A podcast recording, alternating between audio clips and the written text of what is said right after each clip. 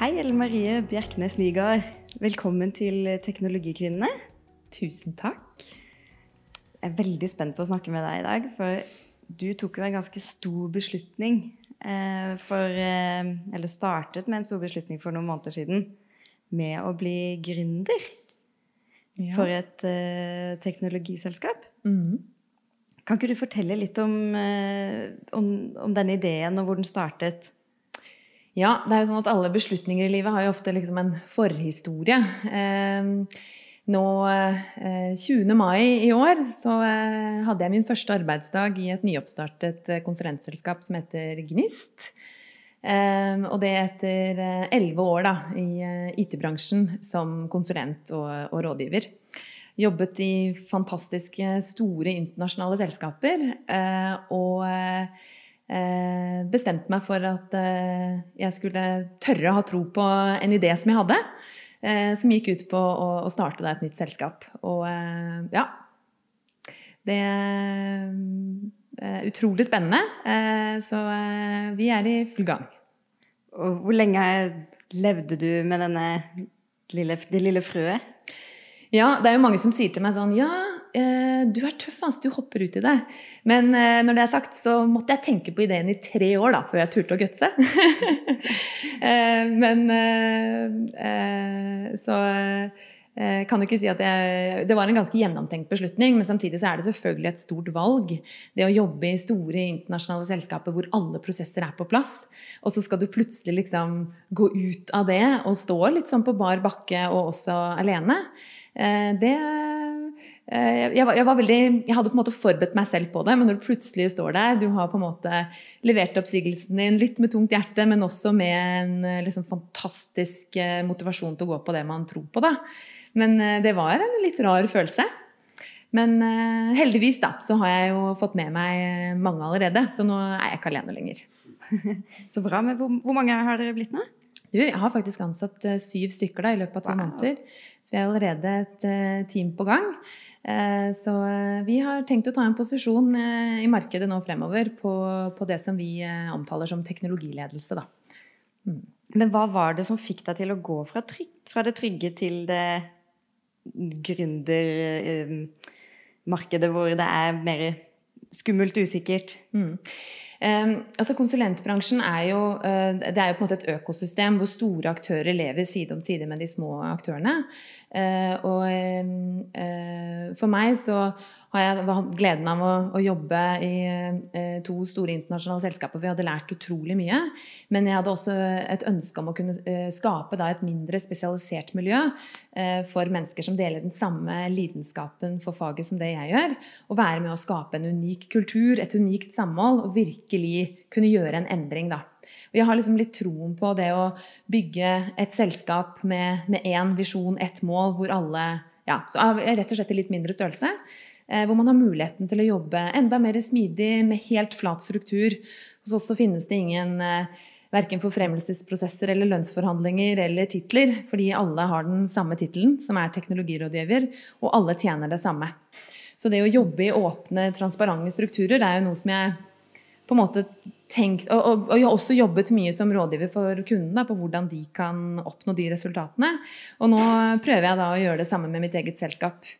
Så um, Så en åpen lønnskultur, det er jo svært annerledes enn de store selskapene som både du og jeg har vært i. mm. ja, Som små aktører så har du mulighet til å gjøre ting litt annerledes. da. Mm. Det er jo mye vanskeligere i komplekse organisasjoner. Så um, vi, forsøker å, vi forsøker nå å gjøre sånn som vi snakker om ute hos kundene våre. Vi, vi jobber jo mye med smidige gjennomføringsmetodikker annet, i forbindelse med IT-prosjektgjennomføring. Og, og bruker nå vår egen medisin på oss selv da, i et forsøk på å skape det som vi omtaler som et selvorganiserende selskap. Eh, Så ja, de har ansatt syv stykker, som sagt. Så i løpet av høsten så er vi oppe i å være mm, åtte personer. Og har som mål å bli 20-25 eh, spesialister i løpet av de neste to årene. Ja, det er jo kjempebra. Men hvor, Var det vanskelig å finne folk, eller det, hadde du mye kontakter, kanskje? Ja. ja. man bygger seg jo opp et nettverk gjennom mange år, da. Men jeg opplever at uh, den type selskaper nå blir mer og mer attraktive. Fordi mm. folk setter verdidrevne selskaper uh, med stor grad av frihet veldig høyt. Samtidig så vi, kommer vi til å ha en enorm kompetanse i, i, vårt hus. For dette er som sagt folk som sitter på nisjekompetanse rundt dette med teknologiledelse. Mm. Uh, så du får liksom både et uh, unikt fagmiljø, men også en, en, en stor frihet da, i å være med å forme hvordan selskapet skal jobbe, og hvilke kunder vi skal gå mot. Mm. Har, du, har, du, laget noen strategiplan for det neste årene? Ja, det er det. Jeg har jo jobbet litt med strategi tidligere også. Ja. Eh, nå snakker man jo om at en digital strategi typ bare lever i, i, et halvt år av gangen fordi at mm. markedet endrer seg så raskt. Så vi prøver selv også å være smidige. Så vi har en visjon, eh, et overordnet mål, eh, som vi jobber mot, som handler om at vi gjennom våre verdier, som er nysgjerrighet, frihet og lidenskap, skal skape fremtiden sammen med våre kunder, samtidig som vi skaper drømmearbeidsplassen for våre ansatte. Uh, og under der så har vi liksom en del uh, overordnede mål som vi jobber mot. Uh, men det er mål som kommer til å endre seg underveis, da, for å si det sånn. Mm. Så um, vi, vi, forsøker, vi, forsøker, igjen å, å, å tenke liksom litt stort på det. og, og la veien bli til mens vi går. Drømmearbeidsplass, mm. er det visjonen? Ja. Ja, så... Det er sånn personlig som, Jeg er jo daglig leder i, i selskapet. Mm. Eh, og har med meg eh, Mali Singaraja og Petter Enes eh, som en del av, er to av mine medgründere. da, Og også en del av ledergruppen. Eh, men for meg personlig, og som min personlige motivasjon, handlet mye om dette med drømmearbeidsplassen. At jeg fikk et spørsmål en gang, eller egentlig bare en betraktning en gang, fra en som jeg møtte i ODA-sammenheng, et eh, nettverk for kvinner i teknologibransjen, som jeg har sittet i styret av eh, de siste åtte årene. Og det var en foredragsholder eh, som drev for seg selv, og som sa til meg jeg syns det er eh, fantastisk eh, hvordan dere orker å bruke så mye av fritiden deres på å drive et nettverk som dette her. Eh, og så sa han 'hvordan orker du det?' Så sa jeg nei, jeg får så mye motivasjon og inspirasjon mm. eh, til, å, til, å, liksom klare hverdagen. Og så sa han ja, men, men, men, burde du ikke tenke på hvordan du kan fylle liksom totalen av din arbeidshverdag sånn at du ikke trenger å på en måte jobbe frivillig i tillegg for å bli motivert og inspirert. Eh, så det å ha en arbeidsplass hvor du liksom kjenner hver dag at du har eh, full tillit til de rundt deg, du er en del av et team som alltid liksom stiller opp for deg, du har, deler noen felles verdier, du deler en lidenskap. Som jeg sa, lidenskap er jo faktisk en av våre selskapsverdier. Mm. Eh, det, det, var noe som var en stor personlig motivasjon for meg å skape Gnist. Eh, så mitt viktigste måleparameter er at alle mine ansatte trives og har det bra. For jeg tror at Hvis man kan svare ja og check på det, så betyr det at man får tilstrekkelig med faglige utfordringer. Man er i, i spennende prosjekter, og man føler at man er med og bidrar med, eh, til kundens endringer. Mm. Um, så det er det jeg kommer til å måle meg selv på da, de neste årene. Det høres veldig bra ut. Men du kommer jo ikke fra IT-bransjen utdanningsmessig? Nei. Det er veldig sånn rart å tenke tilbake på. Hadde jeg, at jeg hadde trodd i 2008, da jeg var ferdig å studere at jeg skulle sitte her i dag. Jeg gikk jo på en mastergrad fra BI i strategisk markedsføring og ledelse. Og fant vel ganske fort ut at jeg hadde lyst til å Eller jeg syntes at det å jobbe som konsulent hørtes veldig spennende ut. For jeg forsto at da kunne man jobbe på tvers av bransjer og, og ha en veldig sånn dynamisk hverdag. Og i tillegg til at man kunne jobbe metodisk og strukturert. Mm. Som jo gjerne tiltaler mange studenter. Um, og så eh, var jeg i kontakt med ganske mange forskjellige konsulentselskaper, men egentlig mer fra sånn forretningsrådgivning, eller det som kalles management consulting-delen. da. Mm. Og så var det nettverk da, som gjorde at jeg endte opp i Society, som er en del av Capgemini-gruppen, som driver med eh, test og testledelse. Så jeg hadde to som så meg der, to ledere, som virkelig sa Jeg husker eh, Ola Furu, som nå jobber i Nav, eh, sa til meg at eh, jeg, vi, skal gjøre, vi, vi, tror at du har et konsulenthode. Vi skal gjøre konsulent av deg. Det, så den sommeren så satt jeg og leste en blekke på 1000 sider om software testing. Eh, hadde altså da en mastergrad i markedsføring. Mm. Og gikk inn og begynte å jobbe med funksjonell test av en bedriftsnettbank. Og gikk derfra til å bli testleder, eh, prosjektleder, som igjen raskt liksom ble mer mot rådgiver, digitalisering, hvordan implementere digitale løsninger på best mulig måte. Ja, for jeg så eh, på Instagram, nei, LinkedIn-profilen din, ja. at du hadde Det gikk ganske raskt, den prosessen der i det selskapet, med at du jobbet deg raskt oppover. Ja. Jeg har vært veldig heldig med dette med det sies jo ikke sant, ikke velg din arbeidsplass, men velg dine ledere. Jeg har hatt mm. fantastiske ledere hele veien som har hjulpet meg og sett meg og virkelig trodd på meg. Mm. Eh, og, og, så har jeg selvfølgelig gjort en innsats selv da, og alltid på en måte jobbet ganske sånn strukturert med mine egne mål og hva jeg har lyst til. Mm. Eh, men ganske tidlig så fikk jeg et råd fra samme Det var også helt i oppstarten at eh, gjør en god jobb der du er, og ikke ha altfor mye fokus på neste steg. Mm. Eh, og da kommer det til å gå bra. Og det har jeg tenkt på mange ganger. at eh, sant, Som konsulent så får du ganske variert sett av oppgaver. Men det å ha fokus på hvert eneste Levere sinnssykt bra på hvert eneste prosjekt du har, selv om det kan være et prosjekt som ikke nødvendigvis føles så spennende, så kan jeg liksom love deg at neste oppdrag blir enda mer spennende, enda bedre. Og ikke minst så er det utrolig mye læring i, i hvert eneste prosjekt. da. Mm. Så det har jeg hatt mye fokus på. Ikke tenke for langt frem, men levere her og nå. Og sørge for at man, eh, man leverer bra da, og i henhold til forventninger. Og kanskje gjerne litt over òg. ja, det, det, er veldig bra. Mm. Uh, hvor, hvor, teknisk har de prosjektene du har vært med på, vært? Ja. Um, det har vært igjen da, en veldig stor uh, bredde på det.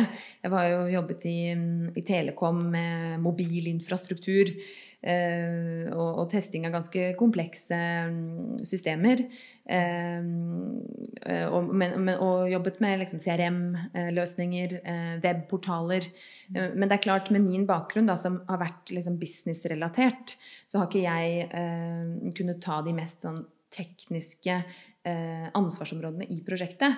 Men jeg har hele tiden hatt med meg Så vi har på en måte bygget opp tverrfaglige team, da. Mm. Eh, hvor jeg har vært veldig god til å forstå kundens behov, behovsbeskrivelser og den type ting. Mm. Og ikke minst kommunikasjon og forankring og, eh, og sånn av løsningene. Eh, endringsledelse, prosess, sånne type ting. Og har hatt med meg spesialistene på teknologien, da. Og så har jeg vel, like jeg tror at jeg har blitt bedre og bedre selv eh, også på det. Mm. Eh, men jeg tror faktisk at jeg har tenkt mye på at hvis jeg hadde visst det jeg vet i dag, så eh, hadde jeg tatt en mer teknisk utdanning. Og, og du er jo ikke den første som er med på podkast her som har markedsføringsutdannelse og som har havnet innenfor IT-bransjen. Nei, nettopp. det, det, det, er egentlig flesteparten. Ja. Så, så, det sier jo noe om at um, markedsføring og IT kanskje er litt nærmere hverandre på en måte? Altså tror jeg, Nå jobber jo de fleste universiteter og høyskoler i Norge med å legge inn teknologi som en del av pensum. ikke sant? Mm. Fordi at det, det, det, er en del av alle bransjer, uh, uansett hvor du jobber. Uh, og Det ser vi jo eksempler på hver eneste dag, ikke sant? med DNB som markedsfører seg som et teknologiselskap, ikke en bank, og disse eksemplene er det jo snakket om mange, mange ganger. Eh, så, og så er det jo igjen Det du lærer når du studerer, er å jobbe metodisk. Du lærer å lære. ikke sant? Så det er ikke, mm. det er ikke så er Et viktig budskap med det da, at det er på en måte ikke Hvis du føler at du ikke har valgt helt riktig hylle, så har ikke det nødvendigvis helt avgjørende for hva du ender opp med å jobbe med. Nei. Eh, det min markedsføringsbakgrunn har skapt for meg, er jo en, et veldig fokus på kundebehov. Og en veldig god på en måte, markedsforståelse og funksjonell forståelse. Og det er jo definitivt viktig når man jobber med IT og teknologi. Mm. Eh, men de du har ansatt i, i, Gnist, hvordan bakgrunn har de i forhold til å være teknologi... Nei, var, var, alle var teknologirådgivere? Ja, eh, tittelen er teknologirådgivere. Ja. Men eh, området vårt er teknologiledelse. Mm. Så det som er eh, vår unike posisjon, er at vi eh, har Alle som jobber i Gnist, har en veldig inngående teknisk forståelse, mm. eller er lidenskapelig opptatt av teknologi. Ja. Um, så de fleste uh, Til nå er de fleste teknisk bakgrunn, men det er absolutt rom for da sånne som meg også. som ikke nødvendigvis har en teknisk bakgrunn, men som har en erfaring på det og har bygget opp kompetanse på det gjennom år. Da. Mm. Uh, men vi tror uh, veldig på at for å implementere gode digitale løsninger, så er det også nødt til å forstå teknologien. Ja. For nå er det jo sånn at teknologien i seg selv ofte kommer med innovasjon. og at ikke Det bare, det er ikke alltid sånn at kundene eller brukerne vet selv hva man ønsker. Mm. Um, og um, VIPS, ikke sant? det nye produktet som nå alle som har blitt et verb, og som nå alle bruker, er jo Mm. det kanskje nyeste eksempelet på det. Som nå um, vi ikke nødvendigvis etterspurte, men som vi nå har fått det, så er det ingen som skjønner hvordan vi greide å leve uten det. Nei, faktisk ikke. Det Mm. er forenkle hverdagen til de fleste. Og det er jo det som dere gjør i prosjektene også. Forenkle hverdagen til eh, bedrifter. Mm. Uh, og du jobbet i Sorgeti? Society. Fransk, Society. fransk selskap. Jeg vet ikke om jeg sier det helt riktig heller, men ja. uh, og så gikk du jo til PwC. Ja, øh, jeg startet karrieren min i, i Society eh, Ja. som testleder, øh, og gikk så over til Capgemini og prosjektledermiljøet der. Mm. så, og det er jo så Sochiti og Capgemini er jo samme, del av samme gruppe. Mm. Så Capgemini har jo på en måte vært mitt første arbeidssted og føles litt som på en måte også familien min. Mm. Eh, men uh, etter ni år der så hadde jeg lyst til å prøve å jobbe enda mer strategisk med teknologi. eh, Og valgte da å gå til PwC Consulting, hvor jeg også hadde en utrolig flott tid. Og fikk se hvordan man jobbet eh, mer inn fra liksom, strategisiden eh, eh, mot teknologi. Da. Før jeg bestemte meg for at jeg hadde lyst til å gjøre noe helt annet, og skape da dette unike selskapet, men selvfølgelig mye mindre i størrelse. Men navnet Gnist, Ja, hvordan kom det Nei, det kommer fra den eh, verdien lidenskap. For vi Mm. var eh, en tidlig workshop hvor vi bare brainstormet på hva det var vi egentlig ønsket å få til. Eh, og hvor jeg sa liksom jeg, jeg ønsker å jobbe i et selskap hvor, eh, hvor vi, vi brenner for det vi driver med, og vi kjenner den der ekstra gløden. Jeg vil liksom kjenne på den motoren innvendig som gjør at jeg gleder meg til å gå på jobb hver dag. Ja, dere vet det engelske ordet 'spark'. og så var det en i rommet som sa 'gnist'. Så jeg bare Ja, nettopp. Og så var det egentlig bare et arbeidsnavn til vi skulle finne det enkle navnet. Og så er det jo sånn i dagens verden at de aller fleste domener er opptatt. Mm. Så jeg søkte jo litt og fant ut at ja, det er en barnehagekjede, som for øvrig var på forsiden av Dagens Næringsliv i dag. det er en barnehagekjede som, eh, som eh, heter det. Det er et treningssenter. Men eh, så fant jeg ut at det var ikke det verste å bli assosiert med. Så jeg følte at det navnet hadde allerede fått så mye betydning bare liksom gjennom helt sånn oppstart. Så da endte vi opp med det, faktisk. Ja, og så var det jo en helt annen bransje. Det, Ja, det er det. Ja, ja. Ja. Men det er en utrolig morsom prosess å være med og bygge et selskap helt fra bunnen av. For du blir møtt med så mange av de tingene som jeg selv ofte har sittet og gitt råd på kunden på. ikke sant? Mm. Du skal få opp alle prosesser i selskapet. Alt liksom onboarding av nye ansatte, lønnsprosessen, ikke sant? du må få deg regnskapsfører, revisor. Nå er jeg heldig som har med meg en, eh, en eier eh, som har bygget opp selskapet Soko Norge. Eh, så de har mye erfaring, så jeg kan heste mye av disse her, eh, bygge selskapsprosessene fra dem.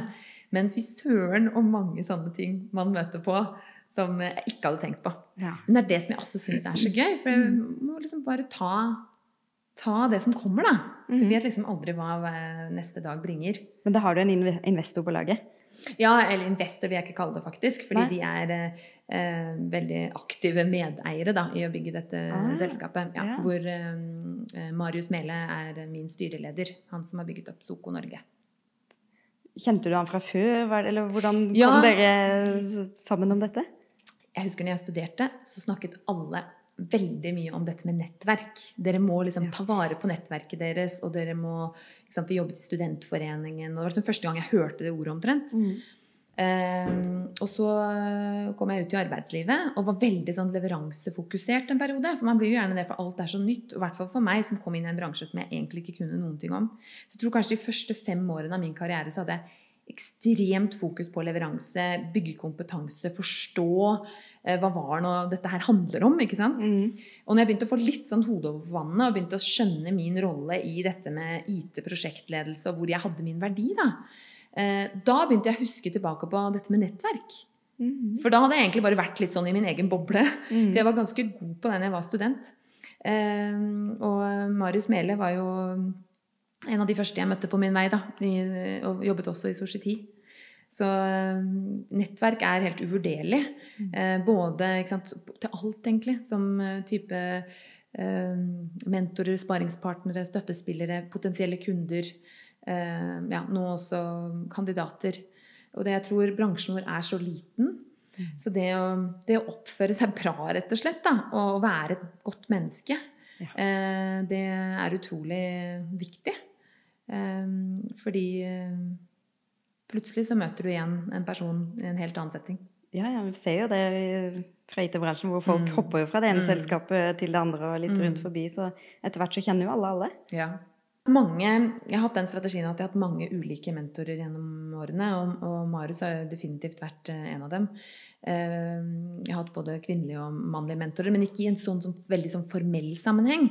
Men mer når jeg skjønte dette her etter noen år, da, at eh, jeg måtte faktisk bruke de folkene jeg hadde rundt meg, både for å ha det bedre selv, men også for å lære mer, da, Mm. eh, så var jeg nok flinkere til å, til å bruke folk. eh, Og deres kompetanse. Men hva er det beste rådet du har fått av en, eh, av en mentor? Mm.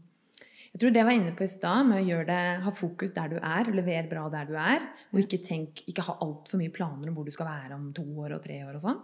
Um, på det, sånn karrieremessig så er det kanskje det. Og personlig sett uh, så tror jeg den største læringen jeg har hatt, er det der med um, Jeg fikk gå et eh, fantastisk lederutviklingsprogram i Capgemini. Et, globalt lederutviklingsprogram som hadde veldig mye fokus på oss som mennesker. Um, og i det programmet hadde jeg en sånn åpenbaring eh, hvor det handlet om å definere våre egne personlige verdier og hva vi ble drevet av. eh, og tenke på eh, hvordan livet vårt hadde vært, og også sette en visjon. Hvor vi tegnet et bilde for hvordan vi ville at livet vårt skulle se ut om ti år. Ja. Men da lurer jeg på hva tegna du om deg selv? Nei, det som var interessant med det, da Samtlige på denne gruppa gjorde det. For sånn gåsehud. For Ja. alle tegnet sånn et hus i skogen med, eh, med familie, dyr kanskje, vann, natur, fjell. Ja. Det var, det var, den, det var den Eller en, en eller annen sånn drøm om å, om å gå liksom, til Mount Everest eller lære seg å fly. Eller, altså, hvis du skjønner. Det var, det var bare sånne ting. Og jeg tror det var, her var ganske det var, sånn, det var en sånn trappetrinn på det lederutviklingskurset, så dette var på en måte for nivå seniorkonsulent, hvor du ikke var så erfaren lenger. da, Mm. Nei, enda. Um, så det var mange der som var midt i det der hamsterhjulet, Mm. som jeg tror fikk seg en åpenbaring om hva som faktisk var viktig for en. Da, ikke sant? Dette med balanse i livet. Mm. Enten til familien sin eller til de interessene man har, eller rett og slett bare det å være ute i friluft og natur. Eh, og det jeg skjønte da, var eh, i den prosessen, var at eh, min, min sterkeste egenskap er meg selv, og den jeg er. Og en av de coachene som jeg jobbet med da, sa at eh, din sterkeste asset er din evne til å Din empati for mennesker rundt deg. eh, rundt deg Ja. og din medmenneskelighet og din evne til å se folk. Mm. For jeg var så opptatt av å snakke om at jeg følte at det hemmet meg. For det ble ofte så mye følelse for meg. Det ble, det ble, jeg involverte meg så veldig i mennesker. Jeg brydde meg så veldig. Ja. Og det, det er jo veldig mye endringer i bransjen vår. Mm. Så jeg ble, ble sliten av det. Så sa hun at det der er ikke en utfordring, det er din, eh, din beste egenskap. Og det har jeg tenkt mye på. Ja. Så, Ja, men det var en fin måte å, si, eller, å se at hun så det. Og Ja. det. For jeg har også følt det noen ganger, at jeg, blir litt, at jeg bryr meg litt for mye. mm. At jeg blir litt for involvert. At mm. jeg liksom Ja. Men det er kanskje litt det som jeg også legger i det der verdien lidenskap. da. Mm. At vi eh, jeg, liker å se det der Du vet når du ser på et menneske, og du ser i øynene at de på en måte brenner for noe. Det er det jeg ser etter i en gnister. Det er Mm. de menneskene jeg vil ha med meg. Mm. De som, eh, de som liksom og, det er jo ikke sånn at det Ofte så forbinder man det med litt sånn derre eh, ekstroverte personligheter ikke sant? som bruker armer og ben eh, og sånn. Mm. Men det trenger ikke være det. Det kan være den, den indre drivkraften da, Mm. som gjør at man har lyst til å være med og endre noe. Mm. Eh, ja. Så du spurte meg om det med viktigste læringspunkt. Og når jeg forsto det med at å være meg selv, det er det, det, er det folk rundt meg vil. Mm. Ikke sant? Og ikke spille en rolle. Ikke, ikke spille Eller ikke være en prosjektleder, men å være Ellen Marie, på en måte. Mm. Uh, ja. Jeg husker den følelsen første gang jeg var prosjektleder i et oppdrag. at det var en veldig rar følelse. For nå var jeg plutselig liksom leder. Det var veldig rart. Ja. Men så skjønte jeg fort at det så, jeg er jo bare meg selv. Og ser folk. Og ser folk. ja. Mm. Så det, det har gjort at jeg etter det så hadde jeg det rett og slett mye bedre på jobb. Og bedre profesjonelt og også bedre privat. Ja, det er jo kjempebra. Det er ikke så ofte jeg hører at folk får så mye igjen av et sånn lederkurs, eller hva, hva det var. sånn Ja, for det hadde veldig, ja, lederutviklingsprogram. Ja. Det hadde veldig lite fokus på eh, de teoretiske lederteoriene, Mm. men veldig på å bygge oss som mennesker. Å Mm. lære oss å samhandle med andre. eh, bli kjent med oss selv. Eh, Og, mm, ja, og det der med ikke sant, det gode norske ordet eh, hel ved. Ja, Eh, Du, nå merker jeg veldig fort da, om folk er trygge i seg selv eller ikke. Mm. Jeg synes jeg liksom kan se, Og det gjør jo ofte at du blir en, er du det, så blir du en bedre selger, du blir en bedre rådgiver. Du blir en bedre kollega. Mm. Fordi at du er trygg på deg selv og det du driver med, og ikke liksom spiller et spill. Dette er jo kjempeflotte verdier å ta med seg inn i et nytt Mm. selskap. Mm.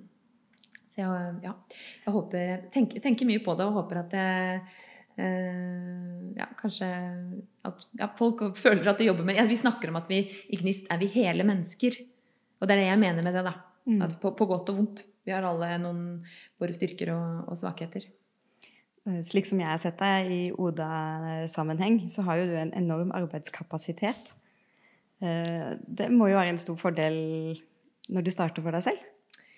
Ja, jeg er faktisk veldig glad for at du stiller det spørsmålet. Fordi det er jeg um, Jeg husker når jeg skrev CV-en min på begynnelsen, så skrev jeg det. Liksom, bra med meg, jeg har en stor arbeidskapasitet. Ja. Nå liker jeg ikke det ordet lenger. Nei. For jeg har egentlig en veldig begrenset arbeidskapasitet.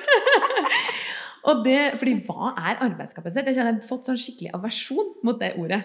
Fordi jeg føler at I begynnelsen så måtte jeg ofte kap- kompensere fordi at jeg ikke hadde så mye erfaring. så måtte jeg mye, bruke mye tid på å sette meg inn i ting. Mm. Og da var det på en måte positivt å ha en stor kapasitet. Mm. Men eh, nå er jeg trebarnsmamma med tre barn under fire år. Så min tid ikke sant, den er veldig begrenset. Mm. Jeg har maks åtte timer hver dag. Mm. Eh, og ellers går det døgn rundt. Det som er positivt med det, er at jeg har ikke sjanse til å tenke for mye. Jeg har ikke liksom, mulighet til å bekymre meg for mye. Nei. Fordi at det går i ett. Um, så når folk sier sånn hvordan du er sånn supermenneske, enorm arbeidskapasitet, så er det helt feil. Jeg er et helt vanlig menneske med eh, x antall timer i uka. Eh, og eh, som blir like ødelagt av å ikke sove og stå opp klokka fem som alle andre. Men det som gir meg så utrolig mye, da, det er å, å, vite, å fylle hverdagen min med ting som virkelig inspirerer meg. Mm. Og det gir meg energi. Fordi jobbe skal man jo gjøre uansett. ikke sant? Mm. Men det å vite at jeg går på jobben hver dag til møter jeg gleder meg til, til mennesker jeg gleder meg til å møte, til et om fagområde som jeg brenner for, Mm. det gjør jo at jeg får den energien. Så ja. Og nå ansetter du jo folk du har lyst til å omgås med òg. Sånn Ja, at ja. eh, Og så er det jo veldig viktig da, for øvrig at man ikke ansetter folk som er like seg selv. For jeg er jo veldig Ja. opptatt av det med mangfold. Absolutt. eh, og en mangfoldig arbeidsplass. Eh, men eh, den, den frihetsfølelsen av å styre egen hverdag og ja. eh, Når du sier du er opptatt av mangfold i ansettelsen, Mm. da ser du verken på kjønn, alder, etnisitet når du ser på søknader? Nå har jeg jo, sant, jeg har jo vært da i styremedlem i ODA, som er Nordens ledende nettverk for kvinner i IT, Mm. de siste åtte årene. Og vi jobber jo med mangfoldsperspektivet på kvinner i teknologi. Mm. Og så er mangfoldsperspektivet veldig mye større enn det. Mm. Eh, Men det er klart, jeg føler meg jo ganske forpliktet. Det er jo også en sånn test sant, hvor du møter deg selv i speilet når du skal bygge et selskap. Mm. Og så mm, har du noen sterke meninger om hva som er best. Og det er definitivt et stort mangfold på alle aspekter. Eh, Det er det som skaper de beste beslutningene og det beste miljøet.